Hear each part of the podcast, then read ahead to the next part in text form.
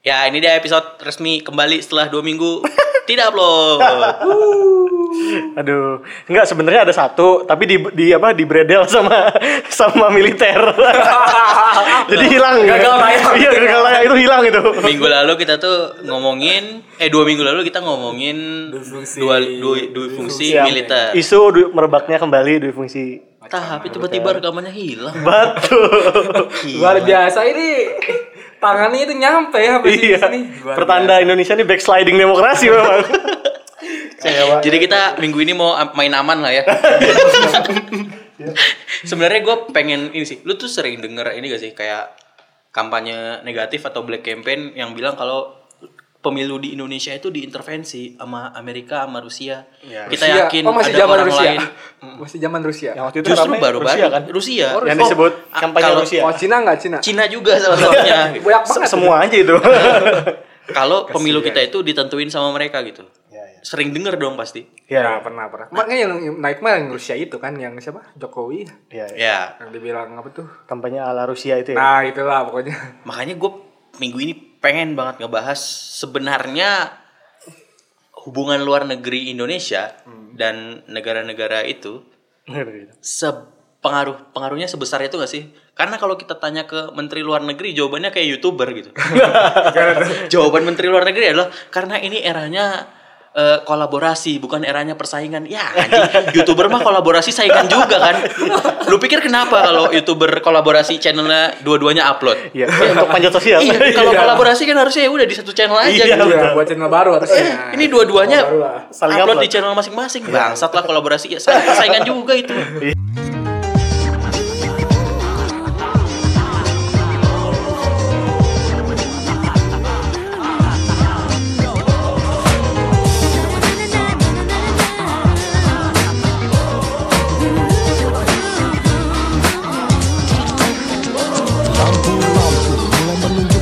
Kekuatannya menyinari di setiap kehidupan kota dan warna-warna terlihat di jalan sana menerangi setiap sudut-sudut kota. Gue gue nanya dulu deh, lu percaya gak kalau bu- belum tentu Amerika, belum tentu Rusia, belum tentu Cina, tapi lu percaya kalau itu bisa diintervensi? Bangladesh gitu mungkin nggak ya? Hmm. Bangladesh ngapain? Siapa tahu dia mau intervensi juga. Enggak kalau kita bicara intervensi kan kita juga nggak tahu nih bentuk interven- eh, intervensinya seperti apa kan. Maksudnya kan ada orang yang intervensinya secara terbuka ataupun secara tertutup ya, lewat jalur private gitu, nggak nggak terbuka lah. Nah, kalau ada atau enggak ya kita nggak nggak tahu ya, nggak bisa mengiyakan atau enggak, tapi mungkin tanda-tandanya ada. Cuman kita aja belum tahu gitu nggak. Kalau lu gimana, Gue? Betul. betul. Sepenuhnya. Eh, mu- mungkin gue nggak pakai kalimatnya intervensi kali ya, tapi pakainya pengaruh ya. Oh iya pengaruh. Yang Jadi menurut lu- kalau intervensi itu karena- pengaruh yang ka- gimana ya? Karena gini, Benar-benar- pengaruh itu kan bisa langsung bisa tidak langsung. Hmm. Ka- Kalimat intervensi kadang dimaknainya sebagai bentuk langsung kan. Oh, iya, physical. Padahal sementara di salah satu prinsip-prinsip hubungan bilateral itu kan atau multilateral kan adalah non intervensi kan. Hmm. Yang walaupun pada kenyataannya kan tidak mungkin seperti itu ya, apalagi kita hidup di era seperti ini. Jadi kalau ditanya intervensi mungkin masih abu-abu, tapi kalau ditanya pengaruh pasti ada sih, nggak mungkin nggak ada. Sebenarnya gue pengen ngelempar satu kasus sih, kayak dulu ngikutin ini gak sih? Kenapa yang gantiin Soekarno adalah Soeharto dan lain-lain? Itu kan banyak dirumorkan kalau itu terkait dengan pengambil alihan masuknya Freeport dan Amerika gitu. Mas Nah itu kan bentuk intervensi itu. Intervensi-intervensi yang kayak gitu sebenarnya di sekarang ini bakal tetap ada gak sih? Kalau kata gua ada sih, maksudnya eh Dan itu mempengaruhi pemilihan umum dan kondisi politik loh. ya bisa jadi. Ah, Ya, jelas. kalau tapi kan ya gimana ya? Itu dulu ada dan menurut lu sekarang potensi untuk itu terus dilakukan masih ada gak sih? Pasti sih kalau kata gua maksudnya eh apa ya? Kita tuh ya ini mah analogi yang dasar aja ya. Ini teori-teori makhluk sosial kan kita kan nggak bisa gerak sendiri kan ya. Pasti ada satu SDM yang SDM atau sumber daya sesu- eh, sesuatu yang nggak kita punya dan mau nggak mau mau minta sama siapa lagi gitu kan kalau di Indonesia nggak ada gitu. Ini ini analogi dasar untuk eh, kita ngapain kan. Termasuk menangin pemilu ya kita nggak tahu ya. Kayak sekarang kan lagi zamannya medsos bisa aja kan minta bantuan orang sono gitu kan. Kita nggak tahu. Kalau menurut lu ada potensi untuk itu nggak? orang sono. Ya ya balik lagi tadi pada pada akhirnya salah satu satu syarat lo jadi negara juga kan adalah pengakuan dari negara negara lain kan. luar. Yes. Ya pada akhirnya dan hubungan kita kalau negara luar pada akhirnya bakal penting dan ya nggak bisa dinafikan sih menurut gua pasti ada. Cuman ngebuktiin aja susah.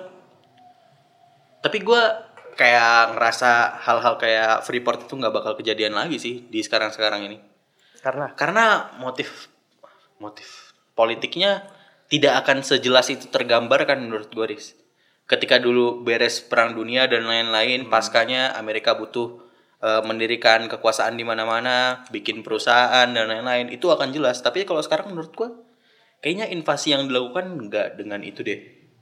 Contoh yang paling gue tarik nggak dalam bentuk itu tuh maksudnya nggak dalam bentuk sejelas itu, simbolnya iya. tidak dengan simbolnya adalah bukan simbol politik. eh simbolnya bukan penggantian kekuasaan Soekarno ke Soeharto. Menurut Iya, gua iya, itu iya, udah nggak iya. ada. Kalau dalam bentuk itu gue setuju sih. Karena sekarang eranya udah lebih terbuka, Iya. ya kan lebih gampang dilihat dan Ini juga peta politik kita itu udah bisa bergeser dengan fenomena sekecil misalnya Donald Trump ngeklaim kalau dia nggak peduli akan eh, pemanasan global. Yang mana berujung pada oh ya penarikan bantuan riset Amerika dan lain-lain untuk mengatasi ya ya. uh, bencana pemanasan global, akhirnya ada negara yang goyang dan Ya. Nah ya pergeseran politik kita itu akan Hasil-hasil. diwarnai gimmick-gimmick yang lebih Seperti itu ah, lebih seperti itu gitu. Ya, ya. Kayak apa? ya, Kalau misalnya gue mau bilang lebih apa ya? Lebih bu- lebih tidak jelas, lebih lebih abstrak. lebih abstrak. Oh, Nah, oke. Iya, tadi makanya nggak mungkin nggak kelihatan gitu. Ya, Bener sih gue lebih setuju bahasnya pengaruh sih mungkin ya. Karena kan sekarang eh kalau gue ngeliatnya justru sekarang tuh bentuk politik luar negeri tuh banyaknya ya mungkin nggak se sedetail dulu Freeport ya, tapi emang cara-cara mereka kayak apa masalah di ekonomi ya khususnya ya. misalnya sekarang kan Cina tuh kayaknya hampir semua Wah, ya. sekarang tuh produksi apa pun ada dari Cina gitu buatan Ya, Cina. HP kan dulu belum pernah ada dari Cina kan maksudnya. Ya. Eh, sebelum dulu kan mungkin kita lebih kenalan Nokia, Finlandia, terus Ya. eh, Samsung, Korea. bahkan Apple itu sekarang design in California, tapi made in China. Ya. Tuh kan, maksudnya dari dari dari situ gitu. Jadi masuknya tuh pelan-pelan gitu. Jadi lewat apa? Lewat ya istilah kalau HP barang kecil tapi everyone have gitu. Jadi kayak nggak nggak terasa tuh eh, apa ya? Kok gue ngelihatnya eh, cara ngontrolnya itu politiknya itu gitu. Ada ketergantungan kita terhadap satu bangsa gitu lewat eh, produk-produknya gitu di sisi ekonomi. Dan sikap lo tadi mencerminkan kalau kita mau nggak mau harus ngikutin politik luar negeri apa enggak? Oh harus, maksudnya Ini harusnya di sini berkaitan dengan Indonesia ataupun dulu. tidak? Maksudnya gue bisa Eh, ngikutin yang berkaitan sama Indonesia aja. Misalnya kayak yang baru-baru Oke, itu ya, ibu paham. ibu apa? Ibu apa Mbak Mbak? Mbak Mbak ya? Masih Mbak Mbak. Mbak Siti Oh, Oh, Siti Aisyah. ah, Siti Aisyah. Dua itu kan berkaitan sama Indonesia. Ya. Ya. Gue bisa ngikutin yang kayak gitu-gitu doang tuh. Tapi gue nggak usah peduli sama eh, persaingan dagang China USA misalnya. Gue nggak usah peduli sama Saudi Arabia, Turki. Waduh. Menurut lo kita harus ngikutin semuanya atau yang Indonesia aja gitu, yang ada kaitannya sama kehidupan kita? Kalau menurut gua harus dua-duanya sih karena gini posisinya sekarang ya sekarang itu kan kita masih anggota PBB kita nggak memang memang nggak semua urusan itu kan diurus PBB gue ngeliatnya gitu tapi eh di apa ya istilah kalau kita udah membangun koneksi untuk eh bukan terbuka ya istilahnya ingin apa membangun eh, relasi dengan luar negeri mau nggak mau kita harus harus tahu mah tahu gitu tapi kalau untuk misalnya kita bersikap itu nggak nggak suatu kewajiban gitu kecuali memang kalau yang Bu Siti Aisyah kan jelas itu kenapa harus kita uh, membangun Oh relasi ceritain dengan dikit dong, Bu Siti Aisyah ini sebenarnya apa sih? Gue nggak ngikutin. jadi uh, Bu Siti Aisyah ini salah satu TKI di Malaysia nah kemarin itu dia eh, setahun yang lalu hampir dua tahun uh, beliau tuh didakwa karena uh, dianggap uh, ikut serta dalam pembunuhan Kim Jong Nam ya Iya. saudara tirinya eh, ini Kim Jong Un pemimpin Oh, korut oh iya? itu itu gila banget sih. Oh itu serius? Iya beneran. Pak. katanya katanya tapi setelah lewat proses pengadilan ternyata nggak nggak ada bukti yang cukup kuat gitu di pengadilan tingginya Malaysia akhirnya dibebaskan gitu tapi nah emang, emang ini juga lagi sebenarnya ini tuh jadi rame itu bu uh, bu- udah bukan apa ya bukan karena Kim Jong Unnya lagi kan maksudnya kita, kita selalu tahu Kim Jong Un tuh kayak yang beda sendiri lah gitu kan Ya, negaranya Kim Jong Un tuh kayak LeBronnya basket aja gitu. Semua media, semua media tuh akan nyorot dia terus Iya, gitu. gitu iya, kan. iya. Nah, dulu kalau dulu kan pertama kali hype itu kan sebenarnya lebih ke si korbannya ini uh, apa saudara tiri Kim Jong Un kan kayak Iya, iya. aja berani banget gitu kan bunuh bunuh orang orang leader paling apa Iya. ya paling s- apa ya strong Diktator, dan- ya. diktator tegas Ya kayak ditanya, prestasi Anda selama menjadi TKI apa? Saya bawa pulang uang, saya bikin masjid Kubah Mas, saya bunuh saudara Kim Jong Nam. Waduh. Iya kan? Itu soal terlawal kan di Waduh. situ pas 2017 tapi sekarang tuh jadi rame karena ini jadi digoreng jadi si pembahasan ini digoreng karena eh apa eh, pihak oposisi menu menu bukan menuduh ya menjatuhkan eh, pihak petahana sekarang nih eh, Presiden Jokowi dengan Kemenlunya yang ngaku-ngaku itu hasil lobby pemerintah. Padahal ternyata katanya kata pihak Malaysia dari PM-nya Pak Manatir ternyata nggak ada lobby-lobby. Ini mah emang karena dianya terbukti tidak bersalah akhirnya kita eh, kembalikan. Dan proses prosesnya pemerintah tuh bukan lewat lewat Malaysia nya tapi emang kayak apa ya jadi nggak nggak ada pokoknya intinya kalau Ya, ya. dalam politik luar negerinya nggak ada lobby lobby di antar menlu gitu kan maksudnya kan Ya, ya. uh, Kementerian Luar Negeri itu kan terkenal dengan fungsi diplomasinya kan. Ya, ya, ya. Karena orang-orang yang jago negosiasi dan sebagainya lah. Oh iya. Jadi I Pak don't see that in Tantoya ya. Nggak, tapi Pak, Pak, Manatir tuh bilang gitu kenapa coba? Kenapa? Soalnya dia dukung Prabowo. Aduh. Ya jadi jadi nggak apa namanya? Memang ini hasil dua minggu tidak rekaman ya. Jadi sudah 11 menit baru lucu. Dari tadi kosong terus. Enggak enggak Pak Manatir bagus kok. Saya saya suka beliau. eh balik lagi tadi lu tuh eh, sama kayak pertanyaan gue ke Faris. Yang lu ikutin itu hanya yang ada hubungannya dengan Indonesia atau gimana? Enggak sih, menurut gua kita harus ngelihat ya dua-duanya sih politik luar negeri terlepas dari nggak harus yang berhubungan maupun yang berhubungan. Kalau menurut gua poinnya kenapa ada dua. Yang pertama ya tadi lu pernah tahu gak sih kalau kita nyelesain masalah kan kadang harus pakai yang namanya apa uh, fishbone itu ya, yang lu harus tahu Fishbone, heeh. Ah, yang lu harus tahu nyampe runut ke akar masalahnya apa. Oke. Cuman kadangnya jadi problem adalah pada saat lo berusaha mencari akar masalah, tapi sudut pandang lo sempit. Sehingga ruang lingkup lo misalnya terbatas nih, dan lo udah dapet uh, solusi dari suatu masalahnya A. Tapi ternyata solusi masalah A itu, begitu si sudut pandangnya dilebarin, itu justru malah mengacaukan sistem yang lain.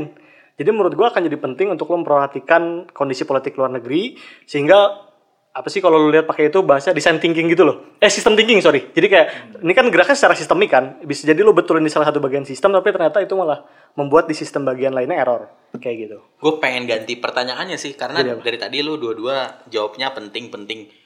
Karena gue bukan penting, orang yang mengikuti politik luar negeri ya, gue nggak sepeduli itu gitu. Bu Siti Aisyah aja gue nggak mau baca. Ah, iya. Gue cuma ngikutin politik luar negeri kalau itu diangkat di stand up. Misalnya kayak Patriot Act-nya Hasan Minhaj atau yang lain-lain, Ya. yang gue baru baca setelah dia nyebut lucunya. Ya. Jadi gue ngikutinnya dari apa yang gue suka aja. Iya. Kalau lu yang ngaku lu tertarik dan penting membaca, lu ngikutinnya gimana? Uh, gue tinggal nyari berita luar negeri aja sih. Yang Lu terus- baca? Dan gue baca abis itu. Terutama fenomena-fenomena yang cukup mengglobal. Oke. Contoh, Iya, sama co- sih. contoh, Susah contoh. sih gue baca Tempo aja sekarang ya dari akun lain kalau clickbait yang menarik doang tentang Syahrini. akun Tempo tuh lainnya sekarang tentang Syahrini Tahu ini Iya. tempo orang. Clickbait tuh lu tuh baca nyari dalam ini. Iya kebetulan begitu. Ya. Nih, apa? ini ini Tempo terbaru nih clickbait. Keji caleg PKS cabuli anak. Iya iya gue juga. Anda itu Tempo loh. kan Gimana Tempo yang Ada penurunan apa nggak tolong bedakan tempo digital dan tempo cetak. Ah, iya, iya. Jadi kalau tempo digital memang harus lebih seperti. Beda ya beda redaksi ya. eh, balik ke tadi lu Iya. nyarinya gimana? Gue ya Lu buka lu cari resource lu cari resource resource kalau gue kebetulan kalau gue personal itu ada teman diskusi yang kebetulan juga dia ngupgrade beritanya kenapa kayak gini terus satu lagi yang gue senang adalah uh, ini kalau lu gue ngutip dari uh, Profesor uh, Fedi Hadis ya dia bilang gini salah satu problem dari peneliti-peneliti di bidang sosial di Indonesia adalah pada saat lo itu merasa masalah-masalah di Indonesia itu masalah yang unik masalah yang nggak ada di belahan dunia lainnya. Padahal sebenarnya polanya tuh mirip. Contohnya apa? Misalnya kalau kita mau ambil contoh ya, contoh kemarin Budiman Sujatmiko bilang uh, tentang firehouse eh, firehosing itu kan Firehosing. dari kemenangan Jair, apa, Jair Bolsonaro di Brazil kan. Iya. Artinya ada pola yang sebenarnya bisa kita ambil dan mungkin kita bisa lihat fenomena di sini terlepas dari benar atau enggaknya. Terus uh, ya maksud gua ya fenomena kayak gitu yang menurut gua artinya sebenarnya kalau kita ngelihat di luar negeri dengan bentukan yang lebih hebat, ya gue jadi lebih tertarik aja sih larinya ke sana. Mungkin. Emang peneliti sosial kita aneh sih. Siapa tuh? Itu Afutami bahasnya privilege mau di Ayunda. itu penting banget. Siapa itu? Waduh. Lu gak tahu Afutami? Gak tahu gua. Aduh. Jangan-jangan. nih, eh, pertanyaan nih untuk seorang yang tidak tahu Afutami ya. Lu belajar eh memahami kondisi politik luar negeri dari mana? But enggak sih gua enggak bukan orang yang apa ya konstan untuk ikut gitu. Tapi mungkin gua tak baru tahunya ketika itu lagi lagi booming banget lah gitu. Termasuk apa ya? tapi sebetulnya kan gua, kalau gua lihat ya TV-TV Indonesia itu eh, termasuk yang sering loh keti- eh, ketika like, eh, apa ya? Khususnya Amerika ya lagi membuat suatu kebijakan yang unik atau pas pemilu pasti selalu ditayang ya nggak sih? Kalian sadar nggak sih? Ya ini lagi ada midterm election ya Amerika. Oh ya. Oh, gue belum belum midterm tahu. anjing bahasanya kayak UTS. ada mid, mid election. Ya. Ya itu maksudnya dari eh, sebetulnya ada kok gitu. Kita sebenarnya di di apa disediakan loh eh, berita itu walaupun memang banyaknya seringnya eh, Amerika ya. Nah ini ini juga contoh kebijak eh, cara politiknya luar negerinya Amerika yang tiba-tiba maksudnya kok bisa terus dia yang masuk gitu beritanya kan.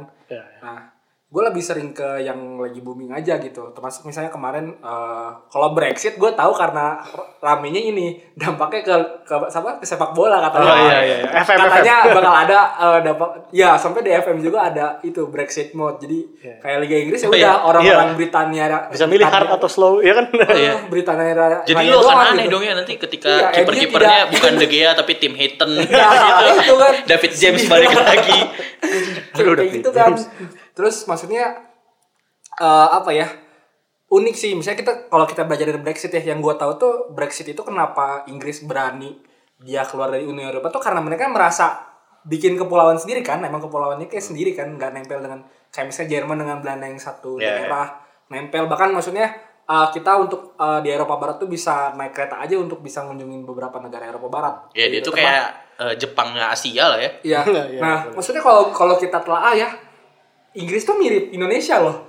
Bentuk kepulauannya gitu. Kita nggak menyatu dengan negara lain kecuali eh, Malaysia dan Brunei. Maksudnya apa ya? Memang Asia Tenggara ini unik juga sih kayak apa? Ya, ya. nggak nggak merata gitu. Maksudnya kalau Asia yang lain gitu ya, Asia eh, Tengah, Barat itu kan nyatu ya. Ya kayak Eropa. Nah makanya mirip nih sebenarnya mirip. Nah bener kata gue, gue, gue juga kenapa kita harus tahu kita nggak tahu ke depan mungkin kita bakal mengalami gejala yang sama sih, fenomena yang sama gitu. Sehingga kenapa kita perlu tahu politik yang nggak belum berhubung apa yang nggak berhubungan dengan kehidupan kita tuh karena uh, biar kita bisa belajar kalau misalnya ke depan kondisi negara kita tuh sama dengan kondisi negara yang lain gitu. Bagaimana kita uh, ngambil political apa uh, kebijakan politiknya mau seperti apa gitu. Mantap. Itu dia tadi Oh, bawa lihat. Brexit. Kalau lu kalau gua sebut suruh eh kalau gua suruh kalau gua minta nyebutin satu yang menurut lu terkait fenomena fenomena globalnya apa menurut lu? Sebenarnya ada banyak ya. Hmm. Eh, cuman sebenarnya kalau mau paling gampang, mungkin kita mau ngambil contoh fenomena eh, pengaruh India sama China. Kenapa tuh? India mereka kan sama Cina ah, kenapa? mereka kan rebutan pengaruh untuk terutama di Asia Pasifik ya. Kalau di China kan mungkin dimulai dengan proyek mereka yang namanya obor itu kan. One Belt One Road. Jadi sebisa mungkin dia tuh punya uh, batas-batas di luar daerah mereka dalam bentuk batasnya batas pertahanan, pengaruh mereka di sana kuat sehingga seandainya pun terjadi apa-apa mereka punya batasan yang cukup jauh dari batasan terakhir negara mereka. Nah bentuknya kan macam-macam ya. Ya mulai tadi lah mungkin Faris tadi sempat nyebut produk, mungkin juga Faris nyebut uh, tentang ekonominya dan juga kan selain dari itu pun mereka uh, menaruh pasukan keamanannya, pasukan militernya di daerah-daerah uh, Asia Pasifik kan, terutama Laut Cina Selatan. Terluar. Ya, dari sana sih sebenarnya kebijakan utama yang muncul dari sana adalah ke arah pertahanan dan keamanan, terutama yang dijalin sama Indonesia. Pengaruhnya adalah kebijakan uh, luar negeri Indonesia yang bareng sama India sama Australia untuk sama-sama uh, kerjasama dalam bidang militer lah. Cuman itu kan meningkatkan berbagai macam eh, berbagai macam hal ya, mulai dari kerjasama pertahanan keamanan dalam bentuk latihan bareng, terus mulai dari investasi dalam bidang teknologi. Karena disebutnya gini, lu kalau misalnya langsung latihan latihan bareng tuh sebenarnya itu kayaknya kasar banget gitu loh. Kayak lo naro naro pelindung banget, tapi dalam bentuk paling ringannya adalah lo kerjasama dalam bentuk teknologi. Nah, tapi menurut gue adalah itu salah satu bentuk dari kebijakan-kebijakan luar negeri yang akhirnya pengaruh ke kebijakan dalam negeri, Iya. arahnya ke sana. Tapi pun sebenarnya ada satu contoh lain yang sebenarnya gue juga mungkin ada malas balasnya karena sudah banyak banget dibahas. Ya tadi perang dagang USA sama China. Ah, iya. Salah satunya kan itu kena juga ke jadi ke penaikan rupiah kan. Arah waktu rame kemarin lah rupiah ke Iya. sana. Cuman ya pada akhirnya itulah kebijakan-kebijakan yang mau nggak mau kita nggak bisa tutup mata karena sekarang kan kita sudah terhubung dengan satu dunia lah. Kalau gue nggak punya cerita sih. Tapi Kalau disuruh cerita Ahmad Zaki Prabowo, gue bisa. Ahmad Zaki Prabowo kenapa? Itu aja episode podcast kemarin sore kali ini. Sampai jumpa di episode selanjutnya.